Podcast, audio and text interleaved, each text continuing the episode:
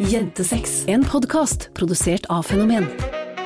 Jentesex med Camilla Lorentzen og Julie Visnes. Dette er Jentesex.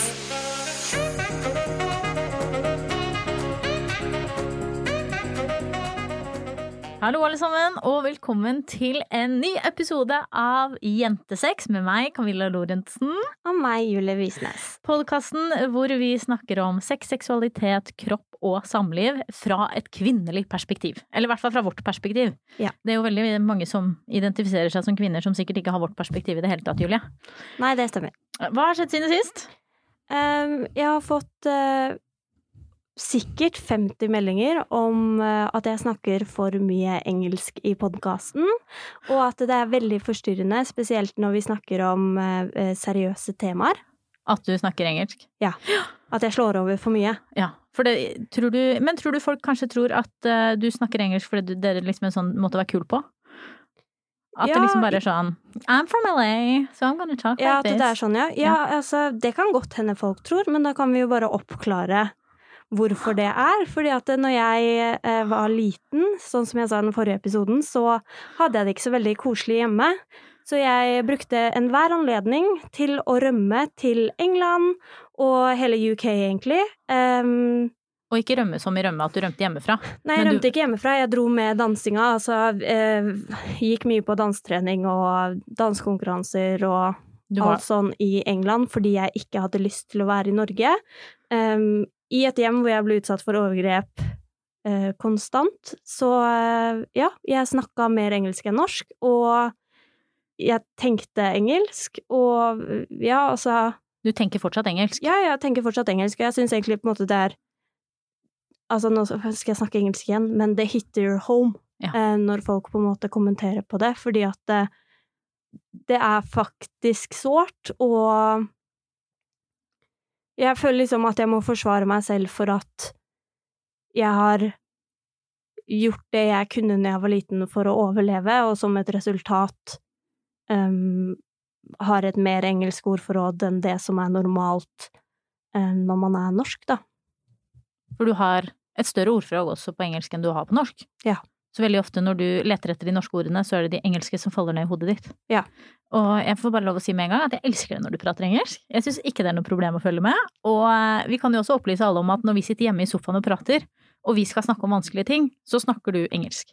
Ja, jeg syns det er veldig mye lettere å uttrykke meg, og det føles um, for eksempel da mer naturlig for meg å si sorry enn unnskyld, fordi um, det føles mer ekte, og det er bare fordi at jeg har Altså, alle vennene jeg hadde når jeg vokste opp som på en måte var, sto meg nær, og alle voksne som jeg kunne stole på, og alt sånn, var i England og det var liksom bare sånn det var, og jeg brukte tiden min på internett på noe som het dance.net, og chatta med de vennene mine i England når jeg var hjemme, og så bare engelsk TV, engelske TV-serier og filmer og, og alt sånt fra jeg var veldig liten, um, og det har på en måte vært en måte for meg å, å escape, da, og på en måte, ja, finne en vei ut.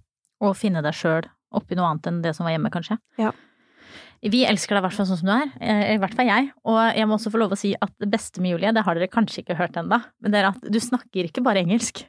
Du snakker jo egentlig litt skotsk. Og Ja, jeg har ei lita skots, skotsk aksent um, på G. Altså, jeg har jo hatt så mye forskjellige dialekter i, på engelsk i oppveksten fordi jeg har jo språkøre, så jeg slår jo om der hvor uh, jeg kan slå om. Og når jeg har på en måte vært med mye skotske mennesker, så har jeg endt opp med å ha skotsk dialekt. Og når jeg var med masse mennesker fra Middlesbrough, så snakka jeg kjempebredt nordengelsk. Så um, det er en god miks der. You're in for a treat. Jeg lover dere at i en eller annen juleepisode så skal jeg få Julie til å lese opp en sånn engelsk eh, julehistorie av en eller annen slag, med dialekt. Kan Ja. vi gjøre det? Selvfølgelig. Yes! Fordi, skal jeg være helt ærlig, så girer det meg litt opp når du snakker sånn, for det er ganske sexy. Men enough with the rough talk. Jeg har jo ingen grunn til å snakke engelsk, det er bare så det er sagt. Jeg gjør det jo bare fordi at jeg tar etter deg. Ja, ja, men altså nå har vi levd oppå hverandre i ett og et halvt år, og når jeg snakker engelsk hele tiden, så er det jo naturlig at du snakker engelsk hele tiden. Du slår jo også til svensk når du snakker med svensker. Det gjør jeg. Um, så sånn er det. Det blir veldig gøy hvis vi noensinne i framtiden skal ha gjester. Ja. Og vi skal ha en gjest fra enten Danmark eller England. Herregud, jeg og Julie, vi satt jo og så på Broen på hytta. Pisse seg. Pisse seigt, og på et eller annet tidspunkt så snakket vi altså dansk til hverandre hele tiden. Ja. Det var jo ikke dansk, Nei, men det var et godt forsøk på dansk. Um, det eneste vi klarte å si var nå, og pisse seg, Ja. du er pisse seg. Så det var liksom det det gikk hele tiden. Ja. Så uh, vi beklager. Jeg gjør også det samme med dialekter. Folk tror at jeg mobber de når jeg sier øh, det er bare lekkert. Men tingen er at jeg faktisk bare begynner å snakke sånn som de rundt meg. Ja, det er en veldig gang jeg kjører over grensa til Nord-Norge, så skriker jeg 'forbanna hestkuk' gjennom vinduet. Ja. Ja, sånn er det. Utover det, har det skjedd noe mer siden sist? Eh, vi skal uh, Unnskyld, altså, nå satte jeg ned snusboksen min her, og jeg har en hund som løper rundt og piper, så hvis det er litt lyd, så, så er det bare Jimmy og min eh, nikotinavhengighet som lager den lyden. Men ja, vi har bestemt hvem som skal lage brudekjolene våre, og vi skal eh, på visning av lokalet allerede i morgen, faktisk. Og jeg har altså sommerfugler i magen. Ja, det kommer til å bli sykt bra. Og i januar så skal vi ha første møte med kjoledesigner. Eh, fordi vi skal designe våre egne kjoler. Og ja, det er et skikkelig lyspunkt i koronatilværelsen. I tillegg så har jeg jo begynt å reise litt på Instagram. fordi at jeg er så lei av å sitte med rumpa i sofaen hjemme at nå har jeg bare bestemt meg for å dra til Paris. Selv om jeg bare får dra til Paris virtually. Ja, for du har begynt å edite oss inn Ja. i bilder rundt omkring i verden. Men tilbake til det med brudekjoler. Jeg syns jo det er veldig gøy at vi skal designe, men hvis jeg skal være helt 110% ærlig, så er det også en sånn skrekk i meg som gjør at jeg får Du vet den klumpen i halsen man får når man kjenner at uh, pulsen stiger og angsten kommer litt til krypende. Den kommer når jeg begynner å, å tenke på disse brudekjolene. Fordi du er så god til å tegne, og til å vite hva som passer deg, og til å vite hva som passer kroppen din, og til å vite hvilke eh, type stoff som finnes der ute, og hva som passer sammen, og det ene med det andre, og jeg er sånn Jeg vil ha en kjole. Jeg vet ikke om det liksom finnes sånn, eller om det finnes sånn, jeg aner ikke forskjell på ting. Jeg, jeg, jeg vet ikke engang hvilke alternativer jeg har, så jeg bare ser for meg at on our wedding day så kommer jeg ikke til å ane hva jeg Altså, jeg håper jo at designeren åpenbart kommer til å være ganske god til å veilede oss. Og du skal jo prøve sånne silhuetter. Ja, men likevel. Ja, altså, jeg får sånn ordentlig eh, klump inn my mage eh, når jeg tenker på det. Fordi jeg Det er som når du begynner på et sånt stort prosjekt som du ikke aner hva er, og så du vet liksom hva det skal bli, men du har ikke peiling på hvordan du skal komme deg dit i det hele tatt. Du vet ikke hvor du skal begynne, du vet ikke hvordan du skal gå fram. Og så vet du bare at om ti dager så skal du levere inn dette jævla prosjektet, og da skal det være ferdig. Det føles ut som da jeg skulle lage eh, statistikkinnlevering da jeg studerte på Ås, og jeg ikke ante hva statistikk var for noe. Fordi jeg hadde ikke vært på forelesning. Fordi jeg tenkte sannsynlighetsregning, det kan jeg. Det var ikke sannsynlighetsregning, det kan jeg fortelle deg. Um, så ja, jeg, jeg veit liksom ikke hvordan jeg skal jobbe meg framover til å få et ferdig resultat som er en kjole som sitter pent på kroppen min. Men det kommer til å ordne seg. Jeg hører du sier det, og jeg skjønner at det skal hjelpe meg. Og, jo, jo, men du kommer jo Altså, jeg skjønner at det jeg sier ikke beroliger deg sånn egentlig, men sånn når vi drar dit Vi skal jo dit veldig snart. Neste måned allerede. Um, og jeg tror bare det å på en måte få snakke med designer og få prøve alle disse silhuettene og på en måte virkelig snakke ut om det man er usikker på, og jeg vet at vi er veldig body positive og alt det her. Altså kroppspositivister er vi absolutt ikke, fordi at det er for marginaliserte kropper, og det er ikke vi. Men jeg har liksom Body confidence er kanskje et bedre, bedre uttrykk å bruke.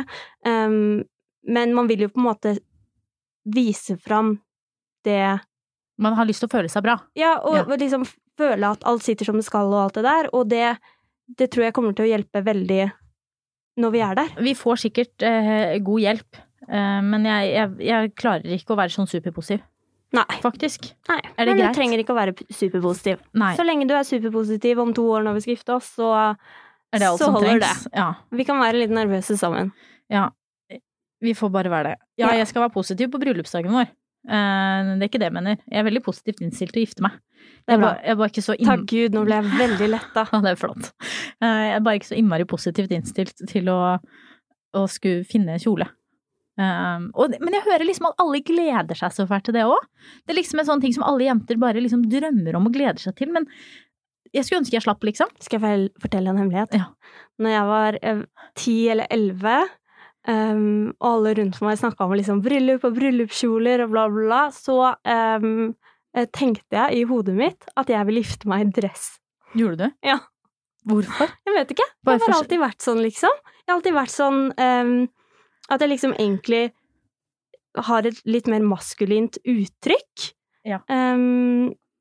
Og egentlig har hatt lyst til å på en måte kle meg Altså med gutteklær og liksom um, alle sånne type ting, og at det på en måte egentlig mest er den stilen jeg har. Men så har jeg bare gjennom livet blitt liksom influenced av uh, alt mulig um, til å være en girly girl, men nå er jeg på vei litt tilbake, faktisk. Fordi at jeg fikk bursdagsgaven min for tidlig. Oh my god! Jeg fikk bursdagsgaven min uh, på Black Friday fordi at jeg fikk et gavekort eh, som jeg kunne handle for, og nå har jeg faktisk bestilt litt eh, manneklær. Men- Så, men ja, Så du, total avsporing. men kunne du tenke deg å gifte deg i typ buksedress eller noe, da? Ja, Ja? Egentlig? ja, ja, ja. Jeg har liksom ikke bestemt meg helt, annet enn at jeg vil ikke ha hvit. eh, jeg vil ikke ha slør. Um, og jeg vil ikke ha noe sånn derre massive amounts of makeup. Jeg har ikke bestemt meg for noen ting. Nei. Men jeg har heller aldri drømt om et bryllup, vet du. Nei. Jeg har aldri planlagt, jeg har aldri sett for meg selv i en sånn big white dress. Jeg har ikke gjort noen ting sånn, så jeg tenker det blir spennende å, å se hvor vi ender opp. To mennesker som aldri skal gifte seg, skal gifte seg. Ja, jeg gleder meg til å ta dere med på den reisen. Og utover det så er vi jo tilbake i Tønsberg, og det er sykt deilig. Ja. Og det har vært fint på hytta, men jeg skal være så ærlig å si at jeg holdt på å gå litt på veggen etter hvert. Ja. Eh, og at det er digg å være tilbake i, i storbyen. Ja, det er skikkelig, skikkelig deilig, faktisk. Bare gå rundt eh, på kvelden et sted hvor det er lys, er eh, undervurdert. Jeg Ja. setter mer pris på Tønsberg nå. Jeg er veldig glad for at vi dro, men jeg setter mer pris på Tønsberg nå enn det jeg gjorde før vi dro. Ja, det er noe med det. You don't know what you got till it's gone. Jentesex. Og apropos det, så er det jo noe som gonner denne uka her. Fordi siden forrige gang så har vi jo som alltid lagt ut spørsmålsrunde. Det har vi. Og den gangen her fikk vi inn så mange spørsmål at vi kommer til å la de ta plassen til historien denne uken her. Det gjør vi. Så de kommer til slutt, og så tenker jeg at det er på tide at vi kjøtter i gang med dagens tema. Og da vil jeg bare spørre deg, Julia. Har du noen gang vært sjalu? Ja, det har jeg. Eh, jeg var nok eh, mye mer sjalu når jeg var yngre, eh, men jeg har også kjent på um, sjalusifølelser Altså forever. Hva er, hvordan kjennes sjalusi ut for deg? Det kommer litt an på hva slags sjalusi det er, tror jeg. Fordi det er noen sånne sjalusifølelser som på en måte bunner i usikkerhet, som bunner i sånn å herregud, jeg er sjalu, eller det føles ut som jeg er sjalu fordi jeg vet ikke om partneren min er trofast, eller eh, jeg er liksom skeptisk, og at den skeptisk-følelsen eh, føles som sjalusi som en sånn klump i magen. Eh, og den sjalusifølelsen hater jeg jo. Altså, det er på en måte det verste, men eh, nå som jeg på en måte endelig er med en partner som jeg stoler 100% på, så er på en måte kanskje den sjalusifølelsen litt annerledes. Altså, man nå skal jeg jo si da at eh, i fjor, når jeg bodde med deg og eksen din, eh, så var jeg jo sjalu en del. Var Fordi altså, det er jo ikke så mm, veldig nice at eh, den du er mest forelska i i hele verden, står foran deg og kysser en annen. Men eh, Ah. ja, hvis jeg blir sjalu nå, så er det jo liksom bare sånn Er det litt digg? Ja, litt. Men jeg er jo litt quirky, da. Hva mener du quirky? Jeg, Altså, skjønner, jeg vet ikke hva det ordet betyr engang. Eh, Jeg blir eh, ofte Altså, når jeg fantaserer og sånn, så er det ofte sånne her eh, sjalusigreier som får meg kåt. Um, Ja, typ sånn utroskap eller ja, men bare den følelsen. Og jeg tror ikke at jeg hadde klart å ha hatt de fantasiene med en partner som jeg ikke stoler på. Um, fordi at da hadde det på en måte tatt over og blitt en sånn angst og blitt en sånn faktisk uro. Men sånn med deg så er det liksom null stress, fordi jeg stoler så innmari på deg, og da blir det bare en sånn digg fantasi. Men uh, hva tenker du om det, Camilla? Nei, jeg veit ikke helt. Altså, jeg har òg vært sjalu, på en måte, Uh, men stort sett i, i forhold hvor det Eller i liksom relasjoner med folk hvor det har vært utrygt. Mm. Um, og da føler jeg jo at sjalusien er på en måte helt berettiga, og det er jo en grunn til at den dukker opp. Akkurat som du sier, så er det liksom en forskjell på den å være sjalu fordi det er noe å være sjalu på, og være sjalu fordi man er usikker på seg sjøl. Jeg kan jo huske det litt i på en måte det første forholdet jeg var i. Uh, selv om det ikke var noen som helst grunn til å være sjalu i det hele tatt, så kunne jeg på en måte kjenne på den der å sammenligne meg med andre jenter, og være litt sånn type ja, men hvorfor skal han like meg når hun har så mye funner og pupper, hvorfor skal han like meg når hun er så mye eh, kulere, hvorfor skal han like meg når jeg syns hun er så mye penere, og at jeg hadde en sånn tanke eller innstilling om at for at kjæresten min skal like meg, så må jeg være som alle de andre jentene til sammen.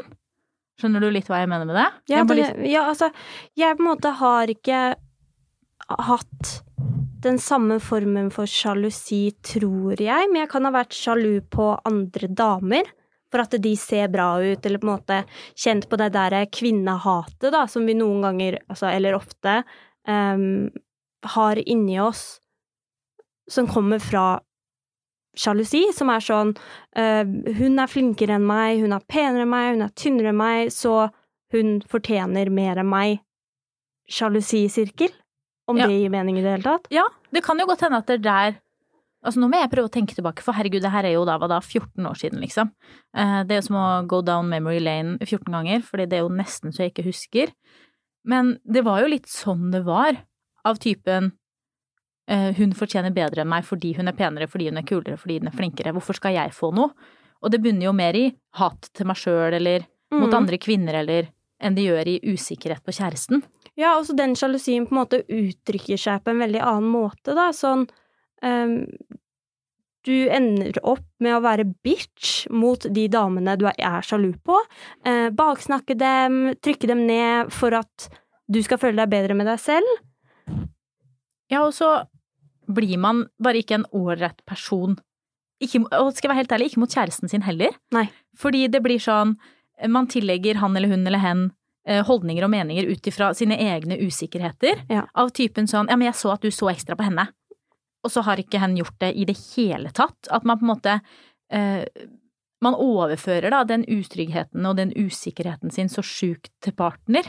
Og jeg gjorde også det, men det var også i det eh, forholdet jeg først fant ut at også jeg eh, tenner på den tanken om Altså den sjalusitanken i trygge rammer. Ja. Den der når man når man er sammen med Fordi altså, han var dritsnill og flott og gjorde ikke noe gærent og ingenting sånn, liksom, så jeg stolte jo på han 100 selv om jeg følte at jeg burde vært annerledes. Mm. Um, men da husker jeg også at jeg smått begynte å fantasere om tanken om at han var utro, eller at det var en annen jente med, eller altså så kan jo det handle om at jeg åpenbart liker jenter, da. Det veit jeg jo ikke. Eh, det kan jo hende at det er en faktor som spiller inn her, at det var mer det, men også den tanken om at Eller den følelsen av å bli forrådt. Altså, gir det nesten mening? At den er sånn opphissende?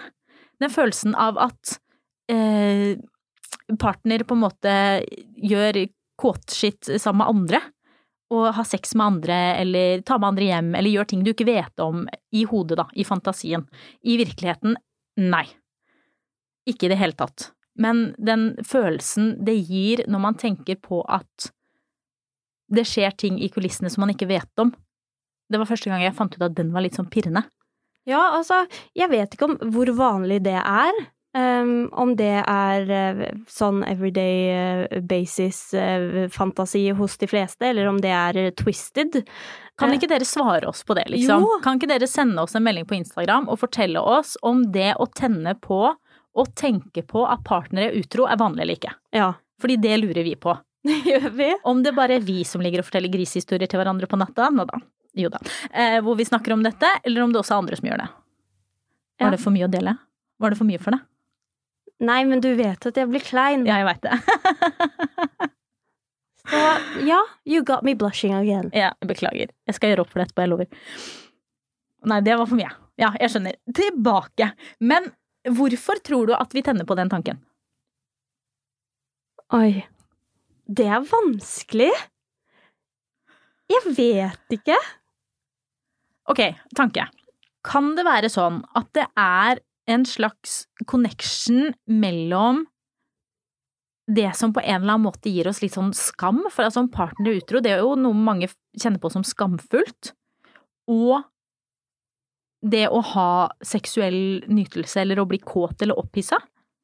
Ja, altså mest sannsynlig, men jeg veit ikke, hvis jeg skal være helt ærlig. Um, men hvis man tenker liksom sånn BDSM-kultur, da.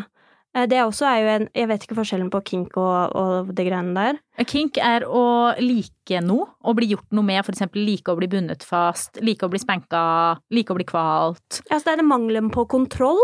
Mens fetisj er å tenne på i ting. Ja. Typ, jeg, liker, jeg tenner på at du går i bleier, eller jeg tenner på at du går i lakk, eller jeg tenner på at Ja, ok. Ja. Ja, skjønner. Eh, men det er jo noe med det der å ikke ha kontroll. Fordi at når man fantaserer om utroskap, da, for eksempel, så har man jo ikke kontroll. Når man blir bundet fast, så har man heller ikke kontroll. Når man eh, blir tatt bakfra og noen slår deg med en pisk, så har du heller ikke kontroll. At det kanskje det heller er den mangelen på kontroll. At man på en måte liker å være submissive. Ja, typ underdanig på en eller annen måte. Ja, det på en måte er fellesnevneren, da. Det kan, ja, det kan godt hende at det er det som på en måte spiller inn, at det er den der følelsen av å Det er ikke jeg som bestemmer, liksom. Ja.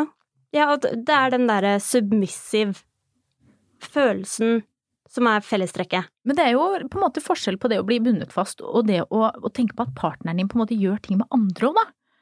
For det er jo litt sånn Altså, hvis det hadde skjedd i virkeligheten, da, så er det jo noe som Altså, du blir jo skikkelig lei deg Ja. hvis partner er utro eller eller det skjer et eller annet sånn, men samtidig så er det i fantasien og i hodet gøy og sexy og pirrende. Helt ærlig så har jeg ikke peiling. Um, og jeg vil liksom ikke gjette fram og tilbake sånn Altså, det nærmeste jeg kommer i tankerekka mi, er den der submissive, ikke kontroll. um, liker tanken på at eh, partneren kan gjøre Eller kan det være at partneren er desirable av other Andre. women? Ja, at hvis han eller hun ligger med andre, så betyr det at andre også Vil, ha hen. -hmm. Sånn at du på en måte da Du eleverer din egen kjæreste, Ja. på en måte, til å være et, et liksom sexobjekt. Oi, her var vi veldig Det kan godt hende. Ja. Ja, fordi det er jo litt sånn Det er jo ganske gøy at andre syns at du er deilig. Ja. Er det ikke det, da? Jo. Syns ikke du òg? Jo. Jeg visste det. For andre gjør det, Julie. Jeg bare nevner det. Nei da. Men hvor går på en måte grensen, da, for hvor man skal la det være fantasi, og hvor man skal la det gjøre, bli virkelighet? Altså, jeg har jo aldri vært i et åpent forhold. Jeg har hatt eh, trekant, og jeg har vært på en sexfest. Um, ikke fantastiske opplevelser, om jeg skal være helt ærlig, Jeg stiller meg bak det. men du har jo vært i et åpent forhold. Ja, det har jeg. Og hvis jeg skal være he... Altså, tingen er, nå har jeg jo også prøvd å lese da, liksom, om polygami og hele den pakka her, og folk prater så jævlig åpent om det, og liksom, de som skriver om det er sånn ja, men det er fantastisk å kunne elske flere, og det er fantastisk å kunne ligge rundt, og Men skal jeg være helt ærlig, så er ikke det så jævlig fantastisk. Fordi sex for meg er følelser. Og sex for meg blir fort følelser, selv om det ikke var det i utgangspunktet. Og i det hele tatt, altså den følelsen av at eh, den du er med, ligger med andre, den er ikke så pirrende i virkeligheten. Det kan godt hende at den er det for noen, altså. Men for meg så er ikke den så pirrende i virkeligheten eh, som den er i fantasien. Og jeg tror det på en måte er lett å la seg rive med av tanken om at det her er sexy. Ehm, og ikke nødvendigvis se at konsekvensen av det er at det skaper på en måte en kløft mellom Eller det kan, da, skape en kløft mellom deg og partner, spesielt hvis kommunikasjonen ikke er god nok. Fordi jeg tror at man for å skulle ha et åpent forhold hvor i hvert fall tanken er at det er jeg og du som skal være emosjonelt involvert, så skal kommunikasjonen altså være så jævlig god. Og da må det åpne forholdet basere seg på at vi stoler allerede så mye på hverandre, vi forteller hverandre allerede alt, vi har aldri noe som helst av sjalusi her. Eh, At vi tror det her går fint fordi vi vil fortsatt kunne snakke om det. Jeg kommer til å tolerere det når kjæresten min kommer hjem og sier hun jeg lå med i går var dritdeilig. Jeg elsket å ha puppene hennes i fjeset mitt. Du må tåle det, liksom. Og du må klare å si tilbake at jeg syns den sexen jeg hadde var fantastisk, og han eller hun var dritdigg. Og hvis man prøver å åpne opp et forhold på bakgrunn av noe som helst annet, for å redde det, for å gi etter for partner fordi man tenker at hvis jeg ikke sier ja til det her, så går det til helvete, så tror jeg det går til helvete uansett. Ja. Ja, altså jeg kjenner jo bare jeg blir irritert og en sint liten jente av å tenke på at du skulle kommet hjem og sagt til meg at den dama du lå med, at du elsket å ha puppene hennes i ansiktet, så jeg tror bare jeg vil si at dette er ikke noe for meg. Blir du sjalu? Jeg blir ikke sjalu, jeg blir øh, det er, Jeg vet ikke helt. Litt bitter? Bitter. Ja, Blir du litt sånn du har lyst til å være slem mot meg? Nei! Og, og, jo, men si litt sånn, bare vær litt kort og konsis og ikke vær sånn direkte imøtekommende. Sånn som, sånn som man blir litt Jo, men man blir jo det når man blir litt sjalu eller blir litt Ja. irrit- eller sint, eller så blir det bare sånn Ja, du kunne jo gått ut med søpla, da. ja, nei. Jeg bare kjente at det ikke er noe for meg. Eh, Men samtidig så er jeg veldig åpen for at det må være et alternativ for de som føler at det er riktig. Fordi at det, det er jo sånn at vi alle er ekstremt forskjellige, og det som ikke nødvendigvis fungerer for meg, kan jo likevel være den beste løsningen for noen andre, og det er ofte der jeg syns problemet ligger, fordi vi har en tendens til å dømme andre ut ifra hva vi syns er greit for oss selv, Mm. og det syns jeg ikke er noe ålreit. Nei, altså det er jo med, med polygami eh, som det er med altså homofili, da, for å ta det sånn. Altså vi bor i et heteronormativt samfunn, men vi bor jo også i et hva heter det, mononormativt Ja. samfunn.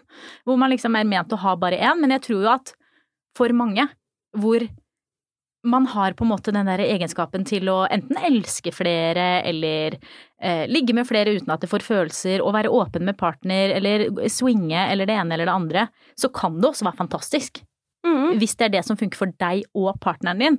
Men jeg tror ikke det er noe fett, og det var i hvert fall ikke noe eh, fett for meg, som mest sannsynlig veldig monogam, eh, å være med på en polygreie når jeg ikke nødvendigvis følte det sjæl, da. Når du gikk inn i det, var det Føltes det feil da også?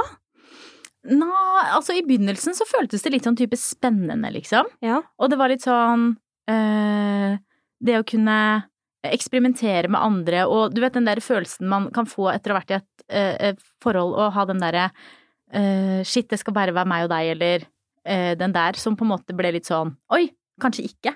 Eh, her kan vi teste ut litt, og, og hele den pakka der, som på en måte ble litt eh, spennende. Men det gikk også veldig fort over. Ja. Um, og det å ha sex med andre er liksom ikke så innmari spennende. Nei. Sex er best, syns jeg da, altså helt personlig. Det finnes helt sikkert mennesker som syns at sex er fantastisk, uh, uavhengig av hvem det er med, og så lenge på en måte det som blir gjort er ting du liker, så er det digg. Men jeg er en veldig følelsesengasjert sexperson. Jeg syns sex er diggest når jeg er forelska, eller med noen jeg elsker, eller altså når det er følelser involvert, da.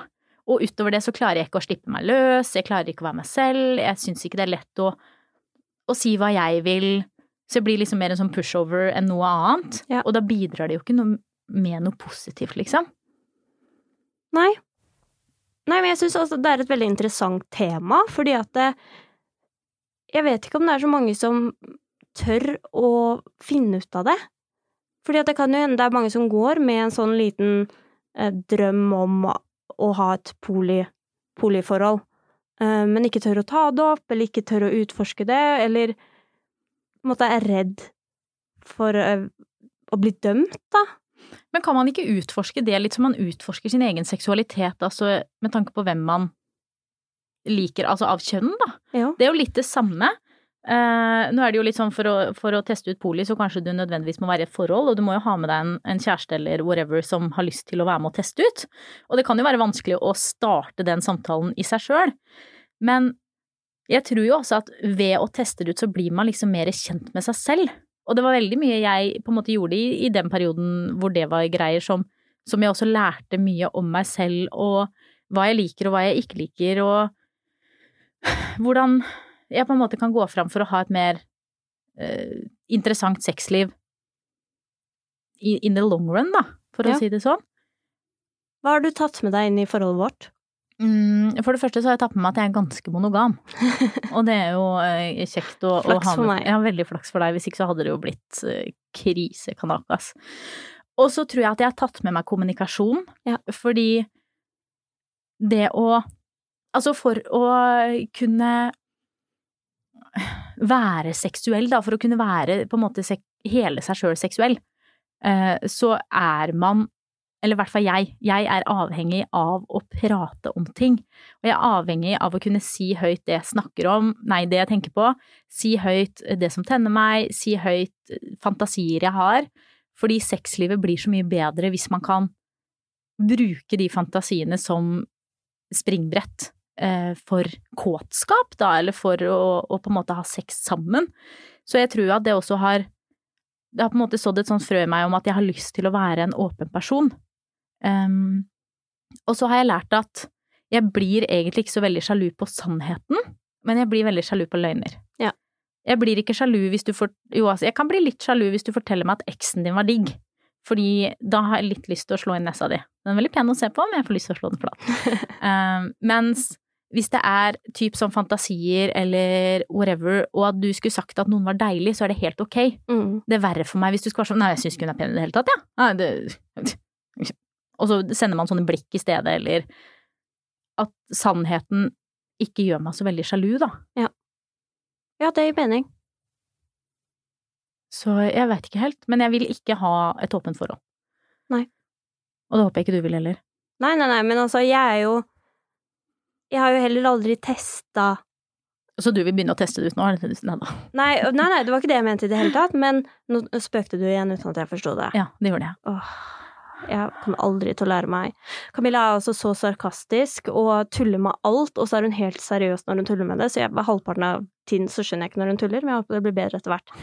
Uansett, um, så har jeg aldri vært i, i et åpent forhold, og det har aldri vært et tema, um, men jeg har jo på en måte holdt på med folk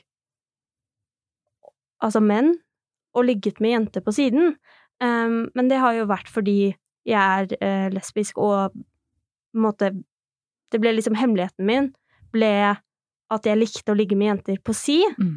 um, men Jo, det er også en ting jeg har tatt med meg, forresten. Ja. Det der å være i et åpent forhold, siden det på en måte ikke er noe man nødvendigvis snakker høyt om, så skaper det ofte Eller i hvert fall, altså for meg så skapte det en sånn følelse at jeg hadde et hemmelig liv, mm, eh, og noe jeg ikke kunne snakke med noen om. mm, Og noe jeg ikke kunne på en måte eh, lufte, noe jeg kun kunne ta opp med den jeg var med.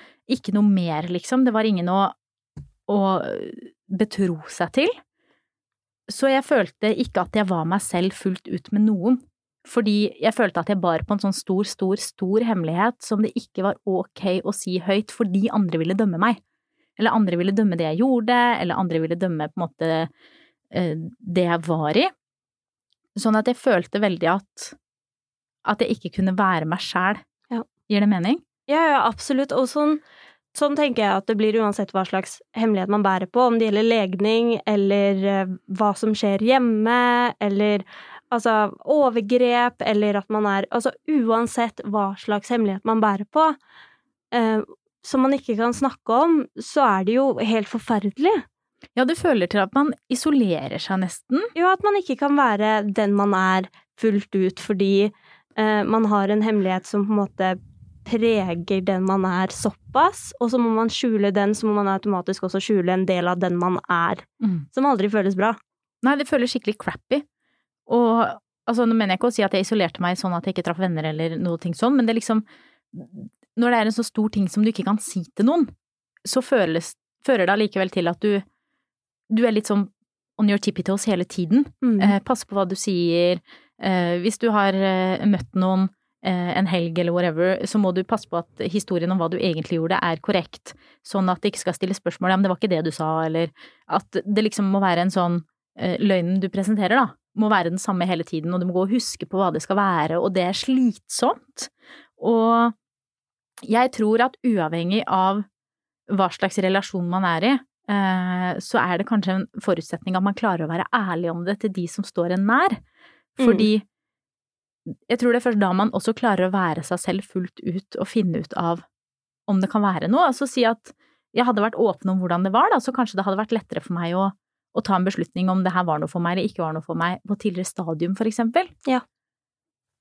Men litt tilbake på en måte til sjalusi, for én ting er jo da på en måte å ha et åpent forhold, eller én ting er å tenne på det å, å tenke på partner med andre, men hvor går grensa for hva som er greit å bli sjalu på? Skjønner du hva jeg mener? Ja, det skjønner jeg. Si at kjæresten din liker bilder på Instagram, eller eh, prater litt med andre jenter. Altså, vi liker jo både jenter og gutter, da, men Eller jeg. Eller tror jeg. Jeg veit ikke helt ennå. Det finner jeg jo sikkert ut av. Men hvor går liksom grensa for hva, hva man skal tolerere, og hva det er ok å bli sjalu på? Altså, det tror jeg er egentlig grenser man må sette for seg selv, at det ikke er noe nødvendigvis noe fasitsvar på hvor den grensa går, fordi vi har alle ulike grenser. Um, og så er det jo selvfølgelig ting som det ikke er noe vits i å bli sjalu på, um, fordi man spinner opp en sånn virkelighet som ikke finnes i hodet fordi man er redd, eller fordi man har trust issues, sånn som vi har snakka om i en tidligere episode, eller eller sånne type ting hvor man må gå i seg selv, men hva gjelder å like andres bilder på Instagram, eller snakke med andre jenter, eller til og med kysse andre jenter, men ikke ligge, eller ligge Altså, alle disse tingene er jo grenser man må sette for seg selv sammen med partner. Um, og så tenker jeg at hvis man har kommunisert grensene sine tydelig, og partner kontinuerlig tråkker over disse grensene, så er jo det på en måte ja, det er jo ikke bare en grunn til å bli sjalu, det er jo også en grunn til å bli forbanna. Ja, for jeg, tenk, jeg, har tenkt litt på det der, for vi har jo fått inn en del spørsmål den gangen her om det her med er det ok at kjæresten min liker bilder av andre jenter på Instagram? Og så høres det jo litt sånn teit ut å si at vet du hva, hvis han gjør det igjen og igjen, så har du faktisk lov til å slå opp, men det, det er jo litt sånn det er, da, at hvis, hvis du har sagt til partneren din igjen og igjen og igjen og igjen at det her føler jeg ikke er ok, og jeg blir redd og jeg blir usikker, og han eller hun ikke hører på deg, så er jo det et tegn om at hen ikke setter dine grenser og dine følelser så innmari høyt. Ja, og da er det jo på en måte mer Altså, da har det jo ikke noe med handlingen å gjøre sånn egentlig, fordi at det, å like bilder på Instagram er jo på en måte én ting, men det at man ikke respekterer partners grenser, er jo ikke ålreit uansett hva slags grenser det er, og man bør jo på en måte, hvis man bryr seg om partneren sin, da, hvis du hadde kommet til meg og sagt at eh, jeg syns ikke det er ålreit at du kommenterer på denne jenta fordi at eh, jeg vet at du har ligget med henne tidligere, eller jeg syns ikke det er noe ålreit at du liker masse bilder av jenter på Instagram eller whatever, så hadde jeg vel reagert med å ta en prat med deg, og liksom, ok, men hvorfor er det viktig for deg, um, hva er det jeg gjør som gjør at du føler deg usikker, og prøv det beste jeg kan og gjort en endring på det, så handler jo ikke det om at jeg vil Altså Altså, jeg vet ikke helt hvordan jeg skal forklare det, men jeg setter jo dine grenser høyere enn jeg setter mitt behov for å like bilder på Instagram. Ja. Og er det ikke det man skal gjøre i en relasjon?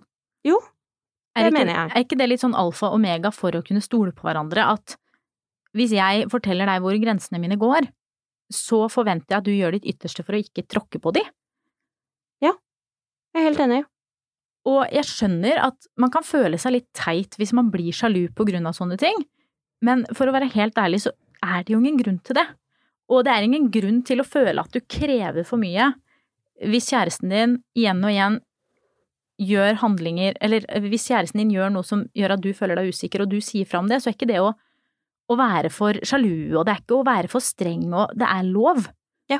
Og det er lov å fortelle at vet du hva, det her syns ikke jeg er ålreit, det her har jeg ikke lyst til at du skal fortsette med, og det er også lov å forvente at det da skjer en endring, og i hvert fall hvis partner lover og sier at jeg skal slutte med det her, eh, jeg lover å ikke gjøre det igjen, så burde det jo oppfølges av en handling. Ja, altså det blir jo sånn som vi har sagt hele tiden, at man skal stole på handlinger, eh, og ikke på ord, og fordi at det man kan jo si hva man vil, og man kan slenge ut hva man vil for å på en måte please partner, men det eneste som teller, er jo hva du gjør med det. Mm. Jeg tenker også at hvis dere er interessert i at vi snakker mer om åpne forhold, trekant og sexfest i en senere episode, så går dere inn på Instagram, sender oss en melding på Camilla Lor eller Julie Jee Visnes og forteller oss hva dere vil høre om, eventuelt sender oss noen spørsmål. Ja, den historien er veldig, veldig morsom. Når jeg lå med Camilla jeg, altså jeg ville ligge med Camilla så intenst at jeg um, uh, tok henne med på trekant bare fordi jeg visste ikke om hun likte jenter, og om hun ville ligge med meg, så jeg måtte ta med en gutt. Det er en veldig morsom historie hvor jeg også var redd for å gjøre noe feil, for du fortalte meg veldig spesifikt hvis du stønner nå, så går jeg. Og jeg trodde jo at det var fordi du ikke likte jenter. Og så var det bare fordi at hvis du stønna, så kasta jeg ut gutten. Så hvis dere vil høre mer om det, så sender dere oss en melding, eller tagger oss på Instagram, eller smæler inn et spørsmål, så lover vi å ta det opp seinere. Du hører Jentesex. Nå veit jeg at Julia har skrevet ned spørsmål, for vi har jo fått inn en hel haug. Så vi begynner bare fra toppen, vi, Visnes. Eh, Jeg har litt ulike spørsmål den gangen her, fordi at det har eh, vært veldig mange eh, spørsmål som ikke nødvendigvis har noe direkte med åpne forhold eller sjalusi å gjøre, men jeg skal holde meg til temaet så godt jeg kan. Det første spørsmålet er hvordan takler man kjæresten sine tidligere partnere? Eh, Jeg foreslår sklitakling. Eh, Jeg lærte det, jeg lærte det på fotballen. Det er viktig da at du på en måte går ned i gresset og ikke, ikke stempler eh, piggene i skoene rett inn i leggen, det er ikke lov, men gå til ballen. Det er den Ja. beste måten å takle på. Altså, jeg tenker at Kaja her åpenbart sammenligner seg selv da, med kjæresten sin sine tidligere partnere, og at hun syns det er vanskelig fordi hun altså på en eller annen måte altså syns at de er penere eller bedre eller et eller annet. Um, og der har jeg vært. Ja, jeg kan kjenne meg kjempegodt igjen i det, og i starten av, av begge mine på en måte langvarige forhold, og de in between nå, for å si det sånn, som var litt kortere, så kjente jeg jo veldig på den der følelsen av det var det her han ville ha før. Hvorfor vil han ha meg nå? Og tanken om at jeg kanskje ikke var god nok fordi enten var de tynnere enn meg, eller de var penere enn meg, eller de virket morsommere enn meg, eller smartere enn meg. At jeg på en eller annen måte så på meg sjøl som en sånn downgrade. Eh, At han hadde gått ned et hakk eh, når han valgte meg. Sånn at jeg følte at eh, på en måte terskelen for at han skulle finne noe annet igjen, var veldig lav. Ja. ja, altså, det jeg tenker Kaja burde gjøre, er jo hvis Fordi det, Nå vet jeg jo ikke, for jeg har jo ikke noe mer info uh, for hvordan hun takler det per i dag, men det jeg gjorde ofte, var jo å gå inn på Instagram-profilen til disse damene. Og stalke og, de. og stalke de, og liksom se på de, og se på de fine bildene de la ut på Instagram, og hvor perky puppene deres var, og um, hele denne forferdelige spiralen man går ned i da, er, Det er jo det verste. krise. Så det, det jeg gjorde da, var å blokke alle. Og det kan jo føles som at det er litt sånn pitty. Ja. At, av en sjøl, liksom. Eller petty, eller hva man sier for noe. Eh, at det er litt sånn å herregud, jeg er klein som blokkerer. Men tingen er jo at altså your peace er så viktig. Og hvis du vet at du ikke klarer å la være å gå inn på Instagram og sjekke, så er det vel viktigere at du finner en ro i deg sjøl og finner en ro i at du er god nok, enn at disse jentene eh, får med seg at du har blokkert de eller ikke. Ja, altså Hvorfor er det altså sett på som teit, eller at man taper, eller alt det der, når man stenger mennesker ute av livet sitt som gjør at man har det dårlig? For det er jo akkurat det man gjør, det er jo det samme man gjør hvis man slår opp med en dårlig venn, eller man sier jo at grensen går her. Jeg vil ikke gi denne personen energi fra livet mitt. Ja. Så Kaja, dette handler om grensesetting. Ja. Um, sett grenser for deg selv, og jobb med de negative tankemønstrene. Hvis du på en måte beveger deg inn i en sånn spiral av 'oi, hun er bedre enn meg', 'oi, hun er tynnere enn meg', 'oi, hun er penere enn meg', så prøv å snu tankerekka til 'kjæresten min elsker meg, han syns jeg er deilig', og de har ingenting med livet hans å gjøre nå, um, fordi han vil ha deg. Ja, Det er akkurat det han vil, og jeg tror det er så viktig at vi at vi gir oss sjøl cred nok, og at vi ser på oss sjøl som verdifulle nok til å ha det bra, uavhengig av hvilke tiltak vi må gjøre for å få det bra. Ja, og nå de- kan jeg bare eh, stoppe deg et sekund, fordi Ja. at nå eh, tok det heteronormative eh, tankesettet mitt over her, fordi hun har ikke skrevet at kjæresten hennes er en han, så det er en eh, hen. Det er en hen. Unnskyld. Um, jeg jobber fortsatt med å avlære det der, um, og det syns jeg er skikkelig vanskelig, men jeg prøver å ta meg i det, og det er ikke greit. Så unnskyld, fortsett, Camilla. Ja, sånn at det er greit å gjøre det du må for å finne roen i forholdet ditt, om det er å blokkere tidligere kjærester, om det er å eh, ta en pause fra Instagram, om det er å fortelle kjæresten din at han må slette disse jentene på Snapchat eller guttene på Snapchat, uavhengig av hva det er, så er det ok, og du har lov til å gjøre det som skal til for at du skal ha det bra. Så, så gjør det, og prøv å stoppe deg sjøl når tankene om at du er teit eller du burde klare å stå i mer, kommer snikende, fordi du skal ikke stå i mer enn du føler at det er ok. Og jeg har blokka mange mennesker. Ja, altså jeg blokkerer mennesker på Instagram over en lav sko. Og det kommer jeg til å fortsette med hvis jeg føler at det å blokkere de gir meg litt mer peace of mind. Og det Ja. gjør ikke meg til et svakt menneske, det gjør meg til et menneske som klarer å sette grenser for meg sjøl og gi faen i hva andre folk tenker om de grensene jeg setter. Uh, herlig. Da er det neste spørsmålet fra Mari, som lurer på Jeg vil gå uten bh i en kjole til jul sammen med svigers, men kjæresten min mener det er upassende på grunn av stive nipler. Hva gjør jeg? Oh. Altså, nå har jeg på en måte jeg har to ting å si. For det første så kan jeg kjenne meg igjen i det. Ja. Fordi jeg òg kan synes at det er ubehagelig å gå uten bh eh, sammen med på en måte menn som jeg ikke ønsker at skal se på meg på den måten. Altså spesielt menn, da. Jenter òg, men spesielt menn. Og det kommer jo av at altså eh, kvinnekroppen er jo så seksualisert at bare det å ha pupper blir liksom sett på som It's a sexy. sin. Og, ja, og i tillegg så er det jo litt den tanken om at det er kvinner sin jobb å oppføre seg og kle seg på en måte som ikke gjør at menn finner dem sexy, og ikke menn sin oppgave å se på kvinnekroppen som noe annet enn et jævla objektiv. Objektiv? Objekt. Altså, det er jo det det handler om. Det er jo litt som når schoolgirls i USA får beskjed om at de ikke kan gå med eh, klær som viser bh-stroppen fordi det kan være upassende og eh, at menn blir ukonsentrerte. Det er litt sånn, lær guttene å fokusere på noe annet enn bh-stropper, ikke lær jentene å dekke seg til.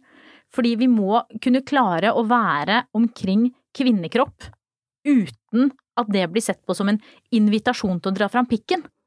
Nei, og så tenker jeg at det, hvis du, Mari, syns at det er ubehagelig du også å vise nipplene dine i denne settingen, så går det an å ha nipple covers uten å ha bh.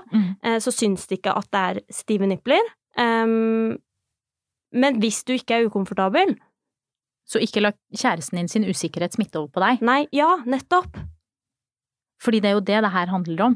Og altså, nå skal ikke jeg sette griller i hodet på Mari, men det viser jo også at kjæresten tenker på altså stive nipler som en liten sånn sexy shit, som er en slags invitasjon til å se på kroppen hennes. Ja. Gjør det ikke det, da? Hvis vi skal være helt jo, jo. ærlige. Jo, jeg, jeg er absolutt helt enig. Um, men så vet jeg liksom ikke om, om jeg ville vært komfortabel med å gå hos foreldrene dine med nipples to the wind heller. Nei. Um, så jeg tenker det kommer helt an på om det er bare kjæresten som syns dette er for utfordrende, eller om Mari syns det er ekkelt. Mm. Um, og hvis, som jeg sa, da, hvis Mari ikke syns det er ekkelt, så go for it. Mm. Fortell han at han bestemmer ikke over dine klesvalg. Nei. Han kan godt bli med deg når du handler, og se om han eh, eh, hvilken kjole han liker best, men du kommer uansett til å velge den kjolen du liker best. Og sånn er det med den saken. Ferdig. Ja. Ok. Ok. Nå har vi Jeg har valgt ut et bonusspørsmål til elsker det. Um, og det er til deg, Camilla. Å, herregud. Nei, er det sånn personlig spørsmål? Ja. Hei, Jeg har valgt ut et bonusspørsmål. Jeg syns det er veldig gøy. Jeg skjønner. Um, Camilla, synes du sex med jenter er bedre, og savner du kuk? Å, herregud. Eh, jeg synes sex med deg er bedre. Og jeg tror ikke Nå sover hunden vår og piper på gulvet, han er den søteste i verden. Jeg tror ikke det handler så mye om at du er en jente å gjøre, hvis jeg skal være helt ærlig. Eh, men det handler på en måte om kjemi og forelskelse, og at vi snakker så åpent. Og at vi er så ærlige med hverandre, og at vi tør å utfordre, at vi tør å teste nye ting. Eh, at vi har begge en sånn tanke om at sex ikke bare er noe som er, men det er også noe som kan bli. At vi hele tiden kan finne ut av om det er noe annet vi liker som vi ikke veit om enda. Eh, Det var en som skrev fint, så fint eh, på Instagram at du vet jo ikke helt hva du savner før du har møtt det. Og at vi begge har litt den tanken om at ja, men vi kan teste det og se om det er noe for oss, eller hele den pakka der. Og at vi er også så intime på så mange andre måter enn bare med sex. At hele den intimitetstingen er så fin og så flott. Um, og det tror jeg ikke har så mye med kjønn å gjøre. Nei, altså, jeg, altså litt av grunnen til at jeg valgte ut dette spørsmålet, er at det er på en måte basert på den teorien eller tanken om at sex ikke er sex med mindre det er en penis involvert. Og sex er jo sex uavhengig. Så jeg bare Jeg visste jo at du kom til å svare dritbra på det, og det gjør du jo, og det er jo eh, fantastisk, men jeg syns det er så viktig å, å få fram det at det, Altså, bare fordi det ikke er penis involvert, så betyr jo ikke det at det, sexen er noe dårligere, eller at man savner sex med en penis, fordi uh, Have you heard about dildos? And fingers? Ja, altså, du får jo Du kan jo penetreres selv om det ikke er en mann med en penis som penetrerer deg. Ja. Eh, og det er bare Jeg syns det er viktig å få fram at, at sånn er det uansett. At sex er sex, og hvis man Altså, det er jo da heller et spørsmål om man savner en av sine tidligere sexpartnere, ikke om man savner pikk. Ja, for det, altså, det er jo ikke noe som er et savn i livet mitt whatsoever. Men det hadde jo heller ikke vært savn med en vagina hvis jeg hadde vært sammen med en mann, og det hadde vært like bra. Nei, nettopp. Og det er jo litt sånn Det jeg vil ha, er sex med en person som ser meg og forstår meg og vil at jeg skal ha det godt. Og om det da er fingre jeg har i skjeden, dildo eller penis, spiller jo ingen rolle. For digg er det på en måte uansett, så lenge det jeg liker blir satt først. Så men jeg skjønner også at spørsmålet kommer. Ja, det skjønner fordi jeg, jeg skjønner at folk er så jævlig vant til at sex skal være liksom eh, penis og vagina. Ja. Men sex er jo altså for det første vanvittig mye mer enn penetrasjon. Altså ja, penetrering er digg, det, ja. men det er veldig mye annet som er skikkelig, skikkelig digg òg. Mm. Og som er like bra sex. Eh, så jeg bare tenker at Vet du hva, jeg tror helt ærlig også at veldig mange eh, penis-vagina-forhold ville fått bedre sex hvis det hadde vært mindre penetrering og mer andre ting.